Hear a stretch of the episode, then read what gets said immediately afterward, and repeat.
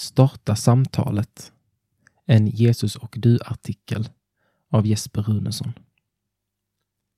Tron på Jesus är en relation och ett samtal med honom. Har du testat att be någon gång? Nästan alla människor ber. Inte alltid, men någon gång i livet. Det kan hända när någon man älskar är väldigt sjuk eller om man hamnar i en situation som man absolut inte kan hantera. Många, däribland jag, växa upp med att be. På kvällen innan jag skulle sova kom mina föräldrar in och läste för mig och sedan bad vi aftonbön tillsammans. Det var en trygghet att veta att det fanns någon som tog hand om oss när vi sov. Samtalstron. När jag var ungefär tio år bad jag en bön som jag fortfarande minns. Jag bad ungefär så här. Gud, nu vill jag tro på dig. Inte för att mina föräldrar gör det, utan för att jag själv vill. Det var en ny sorts bön för mig och ett viktigt steg i mitt liv med Gud.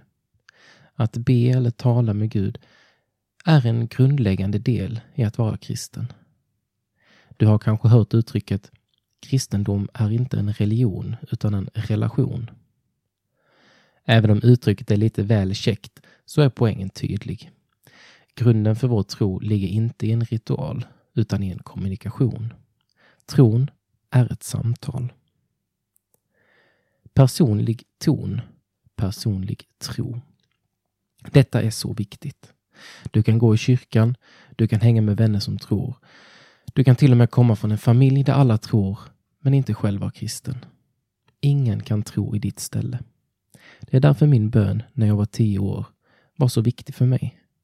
Det var liksom starten för mitt personliga samtal med Gud. Som du pratar och tänker. Min uppmaning till dig är egentligen ganska enkel. Få igång det inre samtalet med Gud. Otaliga människor har fått sina liv förvandlade genom att be Gud, om du finns så visa mig det. Är samtalet med Gud redan igång så fortsätt be. Gud älskar sina barn och vill så gärna höra vad som snurrar i deras tankar och prata med dem. Krångla inte till det. Be som du pratar och tänker, så förstår både du och Gud vad du menar.